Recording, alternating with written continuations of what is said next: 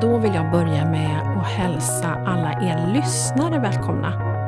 Som ju faktiskt blir fler och fler för varje vecka. Välkomna till 11 kaffe med Fru Vintage.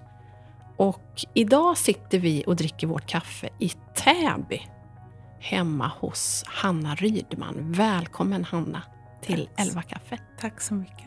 Så roligt att vara här. Jättekul att du kom hit. Ja, Mm. och så mysig lägenhet ni har köpt. Det är som, ett litet, som en liten 50-talsvilla kan man nästan säga. Ja, jag förstår. Ja, det känns väl lite så. Ja, så Mm. mysigt område. Och du ska såklart få berätta om dig själv, vem du är för den som inte känner till det. Men jag tänker att vi ska börja med hur har morgonen varit? Hur är en måndag morgon i familjen Rydman? Hur ser det ut? Förresten, får jag gissa innan Ja. du berättar? Får jag Ja. se om det stämmer? Mm. Jag tänker mig nämligen så här när man kommer in i ert vackra, mysiga, hemtrevliga hem. Så tänker jag att Andreas och du, ni går upp tidigare, så tänder ni ljus och ni tänder brasan. Och så är det lite skön musik och sen går ni runt och sjunger någon härlig morgonblues för era barn och de går upp och bara kramas. Och allting är så mysigt och härligt. Det är min bild av en, av en eh, morgon hos er, stämmer det? Alltså, delvis, Delvis. faktiskt. ja, det visste jag ante det. Eller eh, utan mig. Andreas gör ju så här. Han går upp på morgonen tidigt. Och han tänder brasa. Och han sätter ofta på musik. Ehm, nu, våran yngste son sover väldigt dåligt. Och jag tar ofta nätterna med honom. Ah, just det. Vilket gör att... ja, Då sover du natten lite så- längre på morgonen. Ja, jag har Mm. lite svårare för att komma upp. Ehm, och e- egentligen så älskar jag att gå upp tidigt. Men det är liksom nästan lite omöjligt när Ja. man inte har sovit så bra. Ehm, och då, ehm, så att med denna morgonen var lite åt det hållet. Så att han hade tänt brasan när vi kom upp. Och Kalle fick varm choklad vid brasan. Och Åh. ehm, det viktiga att det var lugnt och fint och det var det. Ja. Ehm, sen finns det morgnar då det är helt hysteriskt också. Absolut. Såklart. Ja, och För ni då- är ju ett gäng som bor här. Hur många är ni? Ja, vi är ju sex personer. Fast Svante bor ju inte, alltså han bor ju här på helgerna bara just nu. Ja, Mm. Du ska få berätta mer om familjen. Men har du någon speciell eh, morgonrutin eller något du alltid äter till frukost? Eller, eller ser det olika ut varje morgon? Ja, vi har ju, det har, ju- vårt liv har ändrats lite eftersom Andreas ehm, inte jobbar mm, som han gjorde förut för att han blev uppsagd på grund av corona. Ja. Och han står ju för mycket av det här eh, lunket och praktiska och alltihopa. Så våra månader är ju väldigt harmoniska sen han är hemma.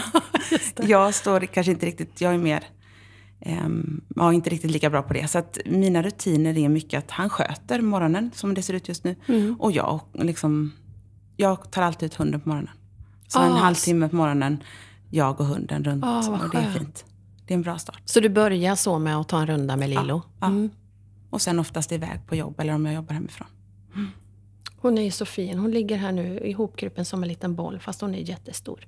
Vad är det för ras? Det är blandras. Så golden och pudel och border collie är det gärna. Åh, så fin. Så det är er morgonrutin. Då går ni ut på promenad. Har, har övriga familjen lämnat då när du kommer hem? Så att det är lugnt när du... Eh, nej, oftast så har de inte det. Oftast så är, ja men som mm, Kalle börjar åtta eller nio. Eh, de andra sköter ju sig helt själva. Men ehm, nej, oftast är det ju framför allt nu de här tiderna så Astrid pluggar hemifrån och ehm, så att det är många kvar när Ja, jag kommer hem. Ja. Mm. Så då blir det frukost och... Ja, alla tar nog sin egen frukost. Helgerna har vi, då är det tillsammans frukost men inte på... Men äter du frukost? Nej, jag är dålig på det. Du är ja, det? Ja. Ja. För att du inte är hungrig eller för... Eller egentligen älskar jag frukost. Men ehm, jag äter, alltså det är den senaste tiden, det har varit så väldigt hektiskt. Ehm, så jag har svårt att ta mig den tiden Ja. och sitta ner och bara äta frukost. Mm, Men det är den bästa måltiden, absolut. Men jag äter den gärna kanske framåt 11-12 då istället. Ja, just det. Som lunch äter jag frukost. Ja. Bara man får frukost någon gång om dagen. Ja. För som sagt, det är ju det godaste. Absolut det godaste. Men du, om vi, om vi ska klargöra redan nu då. Berätta lite grann om er familj. Det är Andreas, din man. Mm. Ehm, och så har vi Astrid som är liksom vuxen och nu 21. Ehm, och Svante som äh, går lumpen. Mm, på Gotland. Eh, och han är 18, blir ju 19 nu då. Precis. Och Putte som är 17 och Kalle som är 11.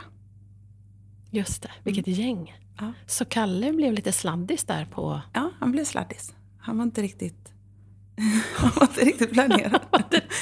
Lika älskad. Ja, såklart. Så då är det, vad sa du, den sista Putte, hur, vad skiljer det mellan Putte och Kalle? Eh, sex år skiljer mellan Just det. Mm. Mhm. Så ja, det, han är verkligen en liten sladdis. Ja, Mm. och vilket härligt gäng. Ja, Så fina barn. Mm. Och alla bor då hemma utom Svante. ja, och, mm, ja han har ju inte flyttat utan han bor ju bara, eh, de har ju permission varje helg. Så det är ju, Ja, ah, just det. Så han kommer hem. Ja. Så han kan komma hem trots läget. nej. Nej. Eh, den helgen fick, alltså han hade ju sett fram emot det och vi hade sett fram emot det. Men nu får de vara där tills, i alla fall fram till jul. Ja, det Tror är jag. så. Mm. Ja, Så det är tufft och det är ju, ja, ja det är tufft. ja, det För är konstiga tider. Mm. Men han är ju vuxen. Mm. Ja, det- precis. ja. Livets hårda skola. Ja. Men du, för den som inte känner dig, Mm. berätta lite grann om dig själv. Vad, vem är Hanna? Mm, det är en spännande fråga om man ska ställa den utifrån vad man själv tänker eller vad man tror att andra tänker. Eh, men om jag, jag tänker att jag har ju bara mig själv att Ja. utgå ifrån så. Så då är jag en ganska... Jag vet att jag uppfattas nog ganska tyst i sammanhang där jag inte eh, känner människor så väl. Hemma tar jag utlopp för det istället då. Så jag pratar ju otroligt mycket hemma och är väl en ganska rörig person. Mm. Med eh, många idéer, många drömmar. Ehm, jag har, de har sagt, alltså jag har fått höra att jag är modig och jag tror att jag är modig på vissa saker.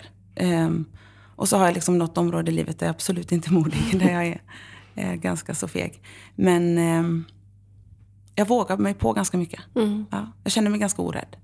Och det får man ju faktiskt säga med tanke på att ni faktiskt flyttade hela stora familjen från Horred Mm. i, är det Halland eller Västergötland? Västergötland? Västergötland. Västergötland, Ja. just det. Mm. Inte jättelångt från Varberg. Nej, det mellan Borås och Varberg. Ja, Precis. men precis. Ja. Ni flyttade hela gänget från lilla Horred Mm. till stora Stockholm. Ja. Och det är det- ganska modigt med så många barn och mycket som ska funka. Och... Ja, men det är det. Plus att vi då hade tidigare bott i Uppsala och flyttat ner till Håred. Så att vi har gjort Ja, ganska många flyttar. Ja. Eh, och det beror nog främst på, skulle jag säga, det är nog min liksom, rastlöshet eller, eh, som ligger till grund för det. Men drömmen till storstaden har liksom hela tiden funnits i oss alla. Ehm, så att ja, det var ett modigt steg men också kunde kännas lite... Vi hade lovat vår dotter att hon skulle gå färdigt nian innan vi flyttade. ja, just det. Så att ehm, det fick hon. Och sen flyttade vi och det var ju delade meningar såklart om det. Men, och det var ju, det var ju väldigt jobbigt att se att alla inte var sådär, hurra. Ehm, men idag är alla det. Och någonstans så tror vi att, alltså vi kände någonstans att nej men det här kommer bli bra. Ja. Så ehm, Och då sålde ni ju ändå ett stort, fint, jättemysigt hus i Horred mm, och flyttade in i en lägenhet. ja, en trea. Ja. Ja. Hur var den omställningen? Den var ju, eh, den var ju jättespeciell. Ja. Ehm, ja, nyhetens, liksom, det var ju härligt för att allt var nytt. Men det är klart att jättemånga gånger som jag tänkte, vad är det vi har gjort? Och, ehm, men det gick ändå ganska så snabbt. Det gick ett halvår, skulle jag säga nästan precis, innan vi kände att alla verkligen landade i att det här var härligt för Ja. oss. Så jag vet inte om det är snabbt, men på något sätt så kändes det ändå som att det blev väldigt bra ganska fort. Ehm, men det är klart att det var jättespeciellt. Plötsligt skulle vi bo på varandra. Vi hade Mm. liksom bott 300 kvadrat och det var jättestor skillnad. ja, såklart. Men vi- vi är väldigt tajt som familj så på något sätt så var det också väldigt mysigt. Så det, blev en, det var en fin, väldigt fin tid att bo trångt. Ja. Men det är skönt nu att vi inte gör det Ja. längre. Det är klart de växte och det var tonåringar och en liten toalett och alla stod och banka och snälla det är min tur nu. Och, ja, så det var, fanns inte så mycket privatliv Nej. på det sättet. Så att, Nej. Men var det längtan efter storstaden då som gjorde att ni faktiskt tog steget att sälja och dra? Eller vad var det som... ja. Ja. Och längtan efter att, Ja, jag hade ju aldrig egentligen, jag är uppvuxen i Håred. Um, och hade sagt till mig själv att jag aldrig någonsin skulle flytta tillbaka dit. För jag vantrivdes verkligen hela min uppväxt egentligen där. För det är en sån liten plats. Mm. Um, och en plats där um, men, man tänker gärna, alltså ja, en liten plats. på alla sätt vad det innebär. Och jag flyttade ju till Varberg och sen flyttade vi till, träffade jag Andreas och flyttade vi till Uppsala. Och sen flyttade vi ner för att det var väl ändå fint liksom för barnen att få bo nära släkt och sådär. Mm. Men he, under de åtta åren så grät jag varje lördag. För, inte så att alla såg det, men för mig själv. För jag bara, jag ville bara därifrån. Så ehm, det har varit väldigt fint för oss. Och inte bara för mig utan för alla att vi har landat här. Vi bor, alltså Näsby Park är ju 20 minuter in till stan men det är ändå lite landet. Ja, men verkligen. För jag trodde att jag, vi ville bo mitt i smeten. Nu ja. hade vi inte råd med det men det var ändå det jag trodde. Ja. Men det är jag glad för idag. Att vi, man kan få det men man kan få detta stilla. Ja, för det är nära in till stan, till mm. city och det är ändå som du säger verkligen känsla av småstadsidyllen på ja, något sätt. Ja, verkligen. Inte minst det här området där ni bor. Ja, mycket äldre härliga grannar vi har lärt känna. Tanter och farbröder som är oh, fantastiska. Men hur många år är det som ni har bott här nu i Stockholm? Fem, fem år. Har det gått fem år redan? Ja. Oj! Ja. Vad det, tiden går. Ja. Men eh, hur länge har ni hängt ihop, Andreas och du? Många år. Eh, vi träffades när jag var 20 Mm. Nej, eh, 19 måste jag ha varit, ja precis. 19 var jag när vi träffades. Och så var vi i ett kompisgäng. Han, var, han är två år äldre. Och sen har vi liksom, vi har varit gifta sen jag var, jag var 21 och han var 23. Och det är hur många år då? Är det, vi gifte oss nyårsafton så det är alltid lätt att... Just det. 97 gifte vi oss. Ja, ah, 23 år då. Ja. Det vet jag så snabbt för att vår yngsta Nelly är född 97. Ja. Mm. Mm. Ja, det är många år. Jättemånga år. Bra jobbat. Ja, det har varit tufft. Ja. Men eh, man har verkligen lärt känna varandra och är varandras bästa vänner idag. Ja, mm. Fint. Det är fint. Och det mm. känner man verkligen när man träffar er, att det är ju verkligen en sån värme och en sån härlig familj. Mm. Som du säger, att ni, det märks ju att ni verkligen är tajta och nära varandra. Mm. Fint att se, verkligen. Ja. Men du, jag tänker att eh, man måste ändå säga att du har fått entreprenörskapet och kreativiteten från modersmjölken om man ser till dina föräldrar och dina syskon. Och, mm. Kan du inte berätta lite grann bakåt hur det har sett ut? Mm. Jag är uppvuxen med föräldrar som har i princip jobbat jämt. Vi har liksom aldrig haft semester eller um, väldigt så. Morfar var Morfar och mormor ägde en förläggarbord. Jag vet inte, men det vet nog ganska många vad det är, eller? Vad tror du? Mm. Mm. Ja, förläggarbord. Det var ju hemslöjd som de sålde, men framförallt linnedukar. Och morfar vävde eh, damastdukar. Eh, så att han var ju... Eh, alltså förr i tiden var det väl så att de kom och hämtade dukar, tror jag, och så hämtade hos folk ute i stugorna. Och sen eh, så såldes de från den här platsen. Sen så vidareutvecklades det och blev en eh, hemslöjdsbutik. Där liksom det kom busslass och tittade på morfar när han vävde de här damastdukarna då. Jaha, så att, eh, i Horred eller ja, vart? Ja, ja, precis. Så ofta liksom, när man gick hem från skolan så gick man om och så gick man den där knarriga trappan och tittade på, liksom ta hit till morfar där uppe. Så det var väldigt fint så. Ja. Och sen tog mina föräldrar över den här butiken när mormor och morfar gick i pension. Och i samma veva så startade också eh, pappa då och mamma en, en, ett grossistföretag där de sålde kläder. Eh, svenskt designade och svenskt tillverkade. Eh, men det la de ner efter ett tag och sen blev det mer textil och heminredning och så startade de en stor eh, kedja som fanns i Sverige som heter Village för, ja, i flera år. Mm. Så jag, som 13-åring jobbade jag i den här förläggarborden och sålde dukar till damer och jag vet att jag klippte metervara alltså som 13-åring och det var jättedyra priser. Så jag vet inte, jag var liksom jag var van vid att ta i och våga jobba och ja. sådär. Ganska tidigt. Ja. Och sen jobbade du ju i Village, eller både Andreas och du? Eh, jag gjorde det eh, när den startade upp i Varberg. Och sen eh, var det mycket så Formex-mässor eftersom de hade grossistföretaget upp till. Så det var också mycket med och byggde montrar. Mm. Men det var lite den här, man vill ju vara sin egen Ja, eller man det. vara Ja. i de... eh, Var det lite hatkärlek, eller? Ja, men lite, eller sen delad, mm, liksom, vad är det jag ska göra? Ska jag göra det här eller ska jag göra något annat? Och sådär. Eh, sen när vi flyttade till Uppsala, då startade vi eh, Village Så butik där, en franchise. Ehm, så att, det gjorde vi i några år, tre år hade vi den. Just det. Och hur har vägen gått sen? Eller vad gör du idag, kan du berätta? Ja. Ehm, jag är ju frilansande inredare och stylist. Ehm, och jobbar med dels större företag, privatpersoner eh, och eh, liksom tidningar och lite reklam. Så väldigt brett. Eller väldigt, men brett. Mm. Mm. Och gör eh, ingen, alltså många dagar det kan vara väldigt, se väldigt olika ut. Ehm, och det, så det gör jag idag. Och vägen dit har ju varit ganska så, inte helt spikrak kan jag inte säga. För att någonstans har jag hela tiden funderat på, ska jag jobba med psykologi och människor? Eller ska jag jobba med eh, det kreativa med inredning och det som jag liksom har fått med mig?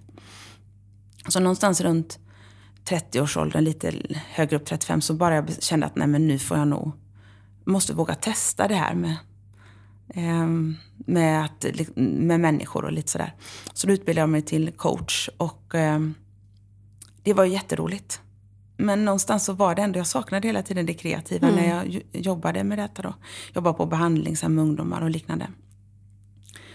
Så när vi flyttade upp till Stockholm så stod jag fortfarande och velade. Ska jag satsa? Jag kontaktade många företag som jobbar med coaching och jag kontaktade behandlingshem och jag kontaktade olika ställen där jag kunde jobba. Och likadant, ehm, så Room var ju en... Just det, där, Mm. Och då- butiken. Ja, och då tänkte jag, jag måste ha något form av jobb.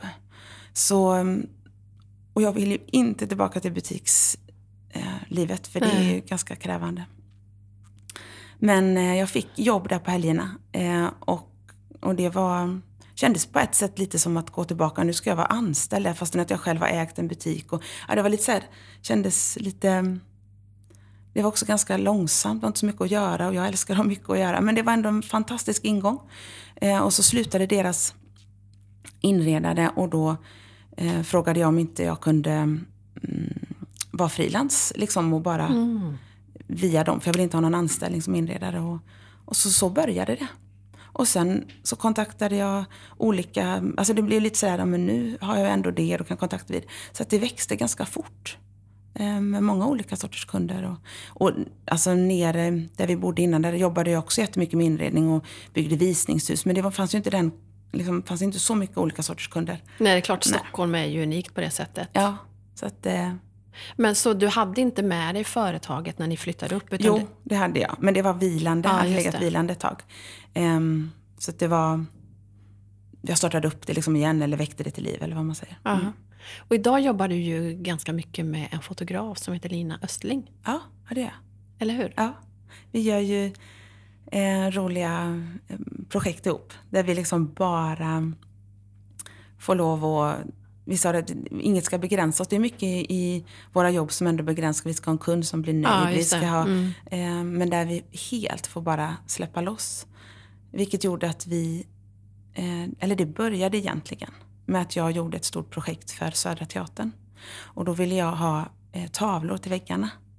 Och på den vägen började jag bara så här spåna, vad vill jag ha på väggarna? Och då jobbade jag med en annan fotograf som hette Fredrik Bokari. Och vi gjorde jättefina bilder där som hänger där, stora, stora. Och sen eh, började jag jobba med, med Lina i andra projekt. Vi liksom gjorde hemma hos-reportage och liknande och lärde känna henne. Och vi hade så lika liksom, önskan om just detta att bara få göra. Och då skulle jag göra ytterligare en del på Södra Teatern, deras eh, nattklubb. Och då hade, ville jag göra nya saker där. Och då sa jag, frågade jag Lina om hon ville hjälpa mig att bara fota det som jag... Och sen visade det sig att de tavlorna ville även Wall of Art sälja. Så att då blev det liksom, så nu fortsätter vi ha våran... Eh, att vi gör bilder även för Wall of Art. Då. Ja, så så, att, roligt. jättekul. Jag måste lägga upp på, blogg, på min blogg, för de är ju helt fantastiska de här bilderna. Ja, men det har varit kul och mycket utifrån bara, du vet så här, att bygga utifrån känsla. Eller, ja, ah, nej men nu, ja, helt Ah, fritt. ah. Så att, ja, det har varit roligt. Så roligt. det är väldigt kul. Ja. Men det här jobbet på Södra Teatern, vad, Mm. det första du fick där, vad var, vad var uppgiften där? Vad skulle du göra? Eh, groggen som är deras, eh, längst ner så har de liksom en, en eh, bar. Den skulle, den hade fått, alltså den hade möbler men den hade ingenting annat. Så det var, jag skulle liksom göra den, knyta ihop säcken kan man säga. Göra, så det var mycket textil och det var detaljer och det var konst på väggarna och det var allt möjligt så. Mm, och sen gick det vidare till att restaurangen behövde ehm, också en uppfräschning. Ehm, och sen gjorde jag hela utsidan, um, terrassen där ute. Just det. Eh, och med nya möbler och nya odlingar och, och liknande. Så idag jobbar du både mot företag och mot privatkunder. Ja. Vilket gör du helst? Vilket är roligast? Den frågan får jag eh, en del. Mm. Och jag, eftersom jag är en människa som tycker om att göra mycket så är det svårt att... Alltså, jag, tyck, jag kan nog inte liksom säga att någonting är roligare än det andra. För privatpersoner, då blir det verkligen det personliga. Man behöver läsa av vilka människor är det som bor här. Så det blir ganska mycket eh, psykologi på det jag sättet. tänkte säga det, där måste du ändå få användning av just det här med personkännedom och... Ja, ja verkligen. Det Ja. är jättebra. Mm. Och företag är ju lite lättare att bara, det här tror jag på, nu gör vi det. Just det. Mm. Och det också, kan ju också vara skönt. Mm. Så blandningen är perfekt. Kul. Mm. Jag tänker att ni har ju som sagt eh, brytit upp och haft väldigt många olika boenden, olika hem. Mm.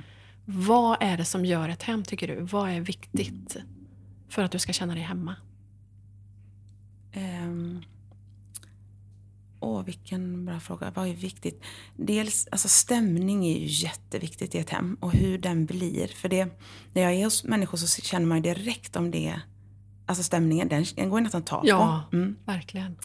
Inte minst om man är som du, både du och jag är lite människoinkännare. Ja, men det kanske inte är precis. alla som, som känner. Nej, men- det är nog inte det. Nej. Ehm, för mig handlar det nog mycket om att det ska vara personligt. Det ska vara det man själv tycker om. Inte liksom utifrån en mall att så här ska ett hem byggas upp. Utan snarare, det här älskar jag och, där, och då blandar jag det här. Ehm, så ett hem är mycket, mycket personligt. Och även mycket böcker tycker jag faktiskt är väldigt viktigt i ett hem. Det säger så mycket om de som bor där. Mm. Och det säger också det, ett hem utan böcker, jag vet inte om jag tycker väldigt, alltså jag läser inte jättemycket, men jag älskar böcker. Ehm, ja, det tycker jag tillför Mm. väldigt mycket. Hur skulle du beskriva er eh, inredningsstil? Då skulle jag nog säga att den är... Ja, jag- gillar ju 60-talet. Inte liksom det plastiga 60-talet utan mer ehm, det träiga 60-talet. Ja, kan man säga så. ja. Ja. Ehm, men jag skulle nog beskriva den. Den är nog ganska personlig. Verkligen. Ehm, jag, jag kan liksom inte säga att den är på ett särskilt sätt. Jag vet, jag vet. Skulle, det får nästan du säga. Ja. Men personlig är väl verkligen, det är ju väldigt brett i och för sig med personlig. Jo, det är det ju. Men det, men det är ju som du är inne på 60-tal med, med furu och skinn och ändå ganska naturnära färger. Ja, jo, det är det säga. ändå. Ja, det är det. Och så måste man ha liksom lite detaljer då som poppar upp, som gör en glad. Mm. Och jättefin tavelvägg. Jag hoppas att jag ska kunna plåta lite grann. Det är ju egentligen lite mörkt men Mm. ja, ni har så fint hem. Tack. Verkligen, verkligen supermysigt.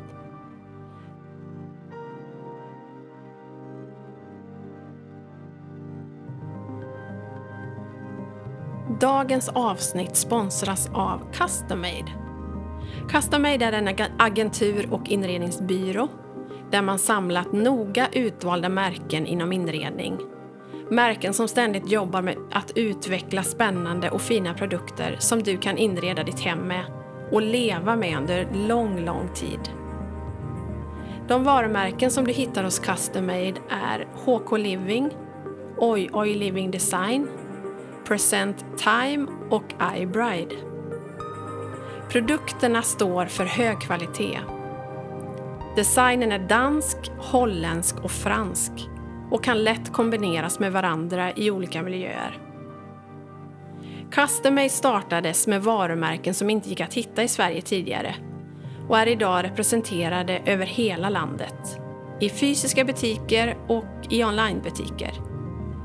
CustomAids produkter syns även i offentliga miljöer som hotell, restauranger och kontorsmiljöer.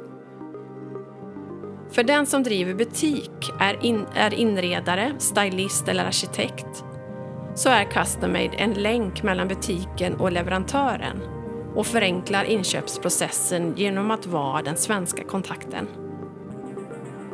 Custom-Made brinner för mötet med människor och vill vara en trygg kontakt som underlättar för dig. Custom-Mades kärnvärden är kreativitet, inspiration, värme, trygghet och kvalitet. Tack Custom Made för att ni ville vara med och sponsra 11 kaffe med Fru Vintage.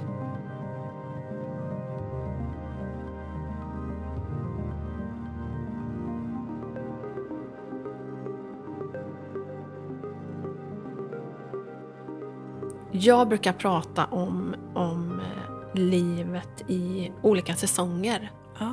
Ehm,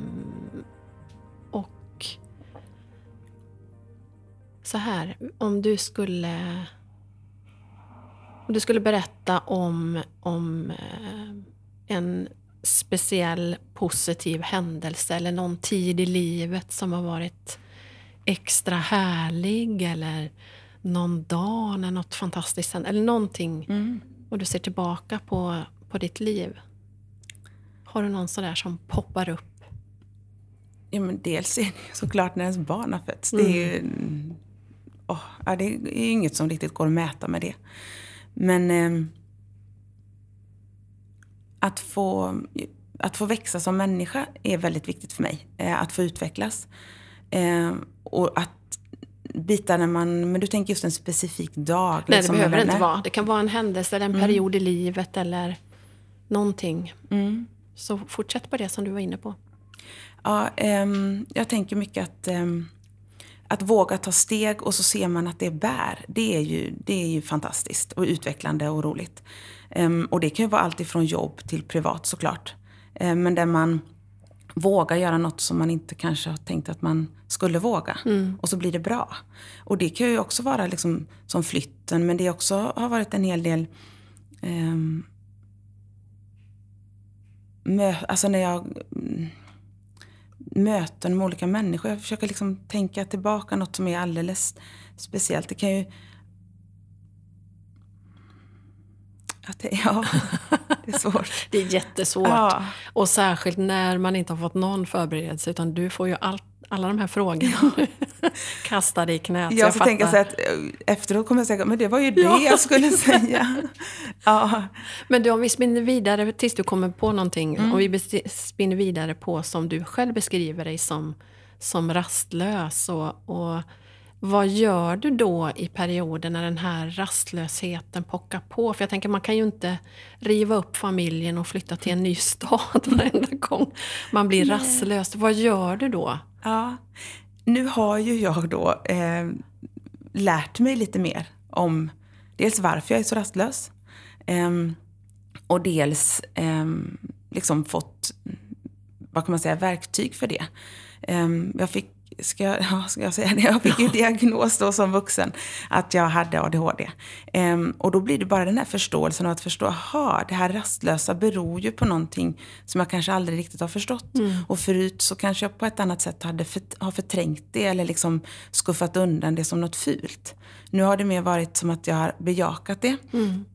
Och då vet jag mer så här, men jag är mycket, naturen gör ju hur mycket som helst. Jag måste liksom ut och springa för att eh, få det här eh, som kan bli stressigt inom mig att få utlopp. Så att jag har ju mina små knep. Men eh, om jag känner rastlöshet så är det också mm, men mycket, nu har jag haft så otroligt mycket jobb. Så att jag har inte behövt känna någon rastlöshet. Så Den den, är ganska komma. sällan. Den Ja. kommer faktiskt just nu. Ja. Men hur länge har du haft diagnosen? Hur länge sedan är det som du fick den? Ett och ett halvt, nästan två år. Hade du haft på känn länge då, innan du fick den, att du kanske hade någon diagnos? Eller vad var det som gjorde att du... Ja, nej, det var, jag ehm, har jobbat med ungdomar som har liksom den här diagnosen och aldrig någonsin tänkt att jag liksom följer Nej. den. För det var ju, i min värld var det mycket utåtagerande. Jag hade liksom aldrig hört talas om där det inte var det, utan jag visste bara det. Och ehm, första gången jag hörde någon som sa, det var faktiskt på Room, då var det en som sa, nej men du kan ju aldrig vara stilla, du måste väl ha ADHD? Och jag reagerade, Jaha. oj, jaha, va? Är inte det så här, inte många sådana här? och så samtidigt så har jag alltid, så länge jag kan minnas, känt mig fel. Otroligt fel. I alla sammanhang och på alla sätt. I skolan framför allt. Och, och så fort jag kommer i sociala sammanhang känt mig väldigt, väldigt fel. På vilket jag- sätt då? som att jag inte fattar det andra fattar. Som att jag är trögtänkt eller lite, lite knäpp. Så att jag har slått på mig själv otroligt mycket genom alla år. Och, och det har ju varit väldigt tufft, men jag har ju inte riktigt kopplat det till varför. Nej, jag, jag har inte nej. förstått. Så när jag började jobba med en fotograf som började prata om att han gick en utredning så och han sa att Nej, men det behöver du, du nog också göra. Behöver jag det? Ja, du vet. Och så Ja. började jag. Och då var det en kompis som berättade om sin son som hade det mer inåtvänt. Um, där han mer slog på sig själv snarare än slog utåt. Och då blev det för mig som att, ja, ah, det, det stämmer ju överens. Och så gick jag den här utredningen och det var ju väldigt solklart att det var så det var. Eh, och, och någonstans så blev det dels jobbigt. För att det var så, jaha, okej. Tänk om jag hade kunnat få hjälp tidigare. Ja. Tänk om jag hade kunnat... Men nu har det bara landat i att, men nu förstår jag mig själv. Så jag har blivit så mycket snällare mot mig själv. Och det är så skönt. Ja, vad fint. Ja. Men du, en sån här utredning, hur lång tid tar den och vad innebär den kort bara? Ja, eh, mycket, mycket intervjuer. Dels med släkt, dels med en själv. Massa alltså, formulär man ska fylla i, frågeställningar och allt möjligt. Så jag minns inte, men det var upp till tre månader tror jag man höll på fram och tillbaka. Mm. Och sen fick du då svart på vitt. Så att, eh, Och känslan då? väldigt blandad. Men eh, som sagt, nu är det bara skönt. För det blir att jag har förstått mig själv bakåt. Mm. Och jag förstår mig själv nu.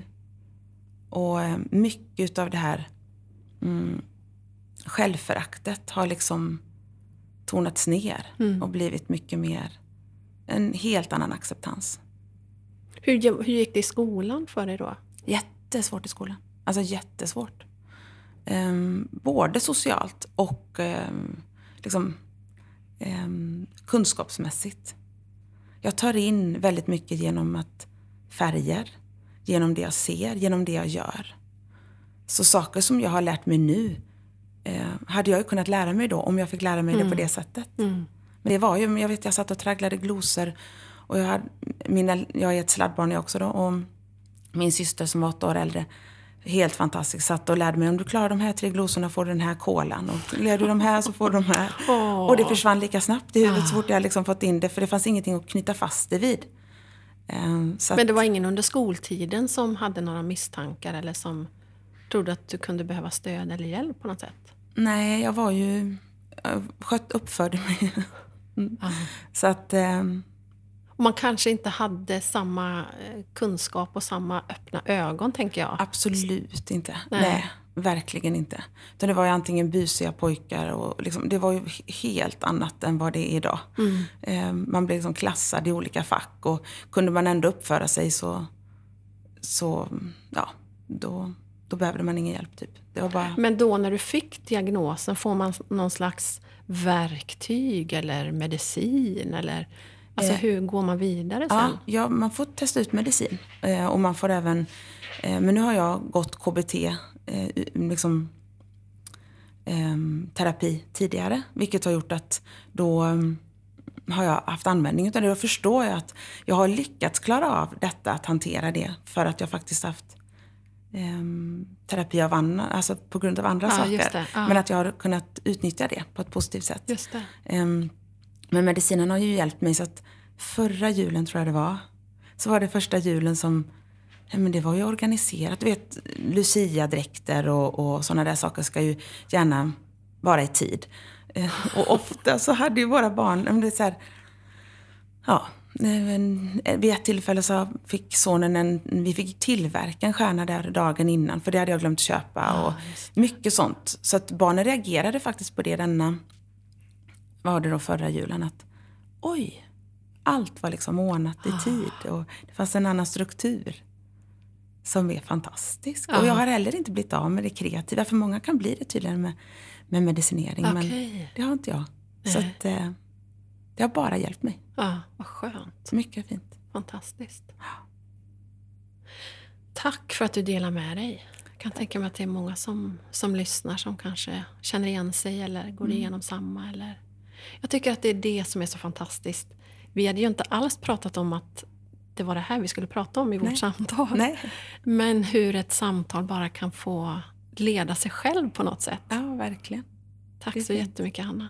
Jag tänker ju vidare då att eh, har du någon sån här hemsk säsong, alltså någon hemsk händelse eller där du ser tillbaka på det var nog det värsta som har hänt hittills?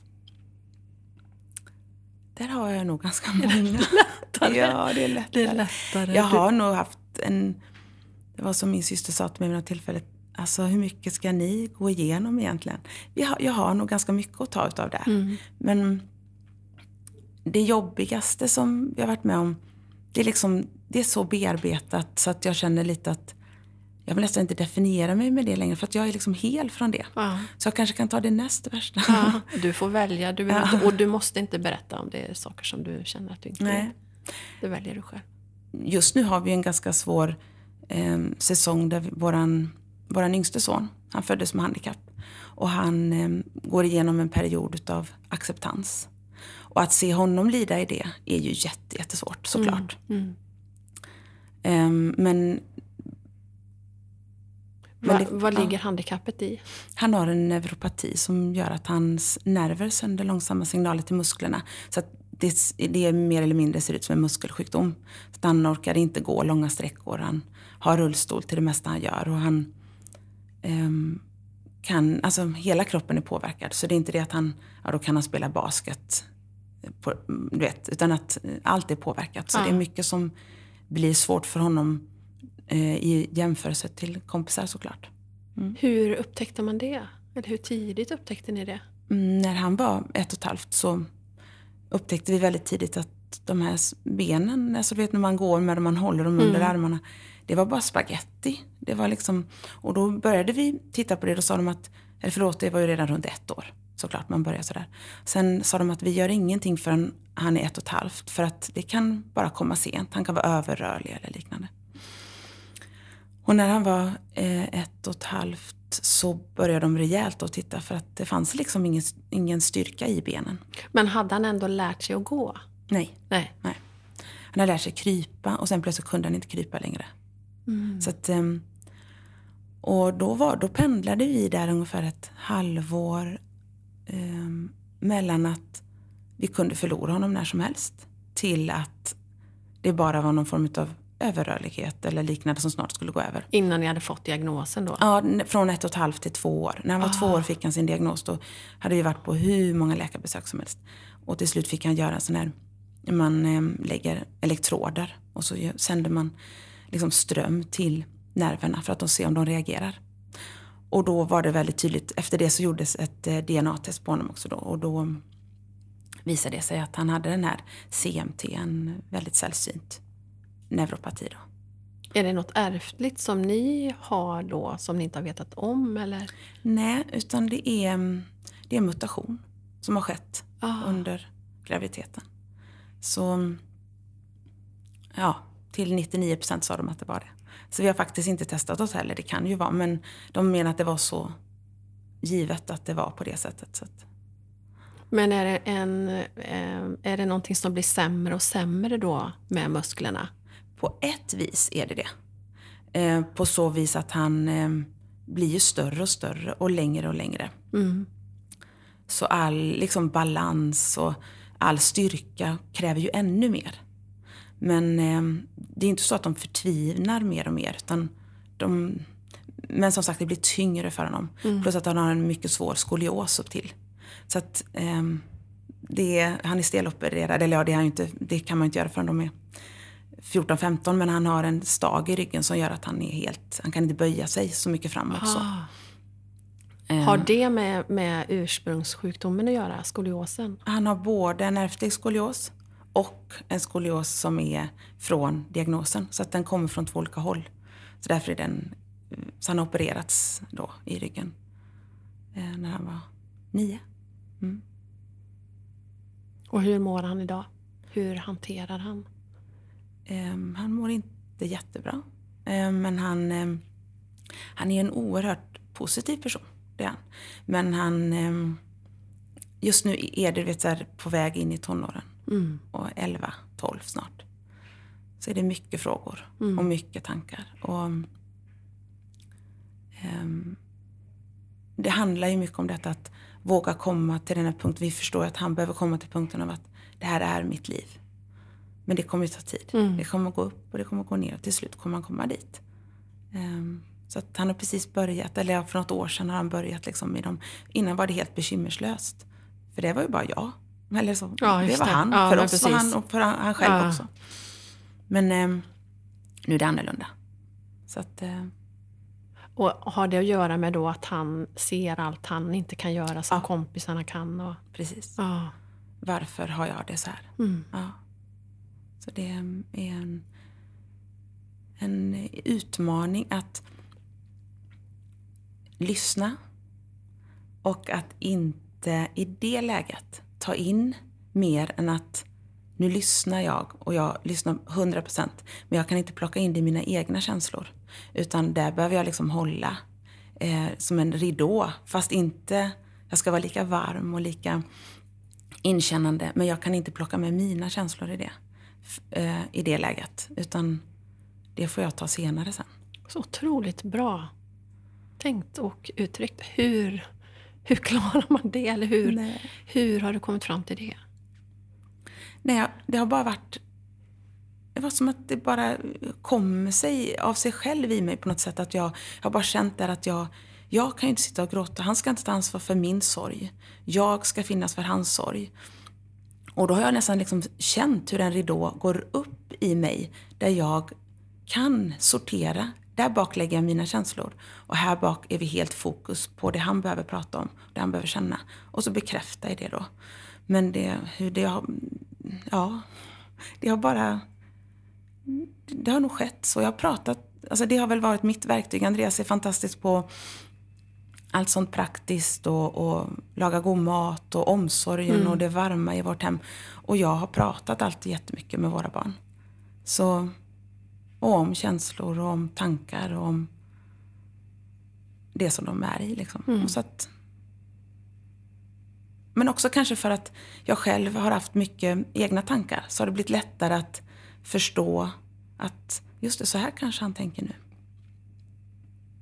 Det är ju, även om inte jag på något sätt kan jämföra eh, våra barn och våra liv på det sättet, men jag kan ju känna igen mig. Vi har ju också en dotter som är född med en, en eh, ärftlig sjukdom mm. som vi inte visste om när hon föddes. Och just den här känslan känner jag igen i att man Ja, men att man, att man på något sätt bär deras sorg och att man skulle mm. vilja kunna ta all den där smärtan och alla frågorna och allt det jobbiga ja. på sig själv. Ja. Alltså, man mm. skulle ju vilja byta alla dagar i veckan om mm. det gick. För att det är så svårt att se dem så ledsna och så, mm. så mycket smärta som det är såklart. Vart, vart hittar ni er kraft? Vad gör ni liksom för att, att orka? Dels är det väl tiden som vi tar tillsammans väldigt mycket att vi eh, hem, alltså det var som någon frågade, när gråter du? Ja. Det är också jättelustigt. Plötsligt kan jag bara, det kanske går, jag har suttit i ett samtal med Kalle en kväll. Och så går det kanske någon månad. Och så plötsligt känner jag mig alldeles jättelåg. Och då går jag ut ofta på promenad och så bara jag gråter. Och så är det som att, men nu har jag gråtit av mig. Och då Kan du koppla det då till den där händelsen som... Nu har jag börjat Ja. förstå det. Att, aha, det kommer så långt senare. Mm. Ehm, och, men det kommer nästan alltid. Så det är som att jag, jag måste tömma mig. Ehm, och sen, jag är en människa som bearbetar genom att prata. Så jag pratar med Andreas hur mycket som helst. och och ehm, Andreas bearbetar mer inom sig. Och sen pratar han. Så, men vi pratar mycket med varandra. Och sen har jag väldigt mycket stöd i min syster. ehm, som bor här i, i eh, Stockholm. Och hon är, pratar jag också mycket med. Mm. Så det... Ja, det är en väldigt stor... eh, Att vi har också att vi är tajta som familj. Att vi kan, eh, vi kan liksom få... Astrid kan hjälpa till. Och, och vi kan stötta varandra och vi kan... Men fram, fram, framför allt att bearbeta genom att prata, Mm. tror jag. Och som sagt igen, det märker man ju verkligen när man, när man träffar er att ni är en väldigt tajt familj Mm. eh, och tajt relation, Andreas och du.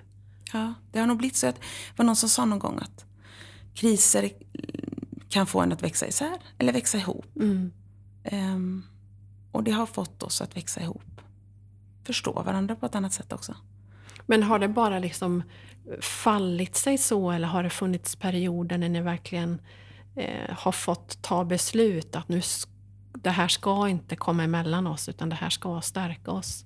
Eller har det bara fallit sig så naturligt att ni...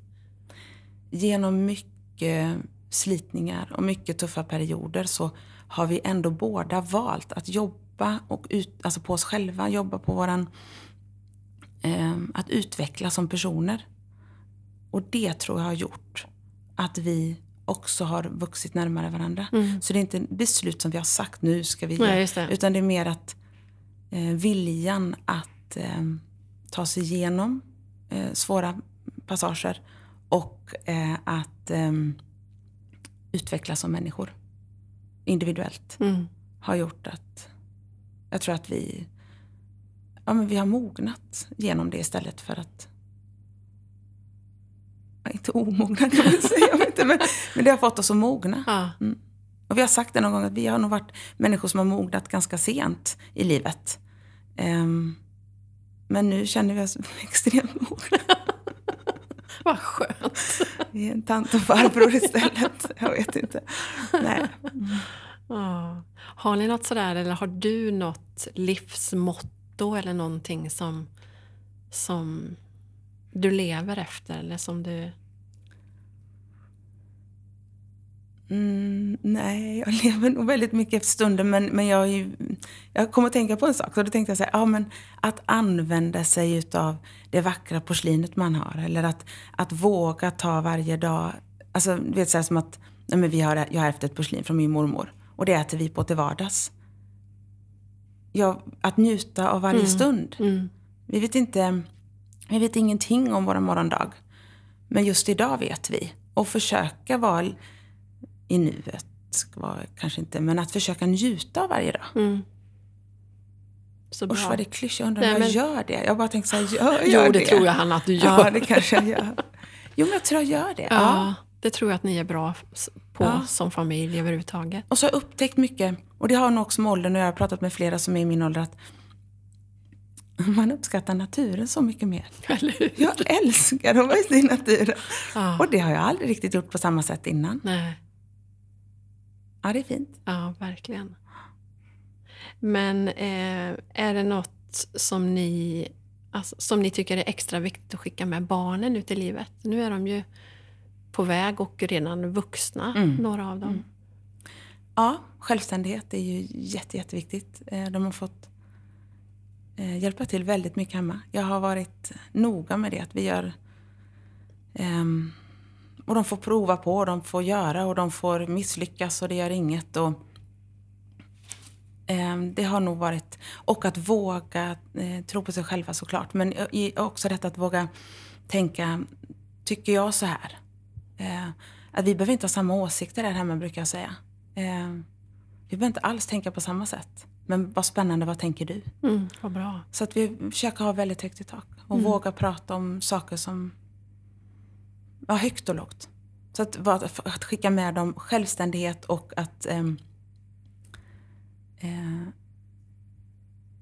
våga tro på det som är som de bär inom sig. Att våga liksom, vad som jag, när Svante fyllde 18 så skrev jag något till honom att eh, leta lite efter det där som sprakar inom oss. För jag tänker att när vi är det här härliga som sprakar, ofta är det där vi är, har vårat, är liksom, har våran, det som vi älskar Mm, att göra. mm. Och att det är så mycket av det som är, är mig eller dig. Eller att leta upp det och göra det mycket. Så bra.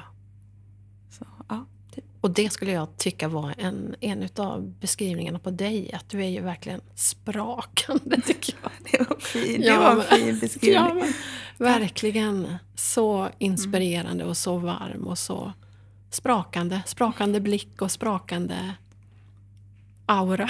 Vad ska jag säga? det Verkligen. var väldigt fint. Ja, men det, det menar jag verkligen.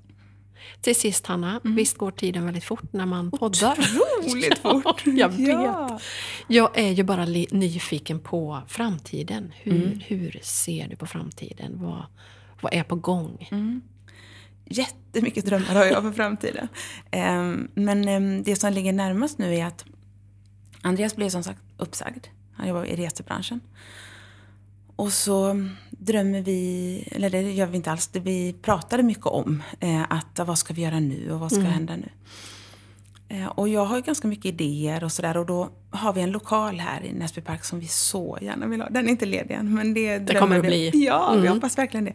Ehm, och där skulle vi vilja ha en liten, en, som en, en kreativ plats. Men det ska ändå liksom vara, så vara som en liten butik.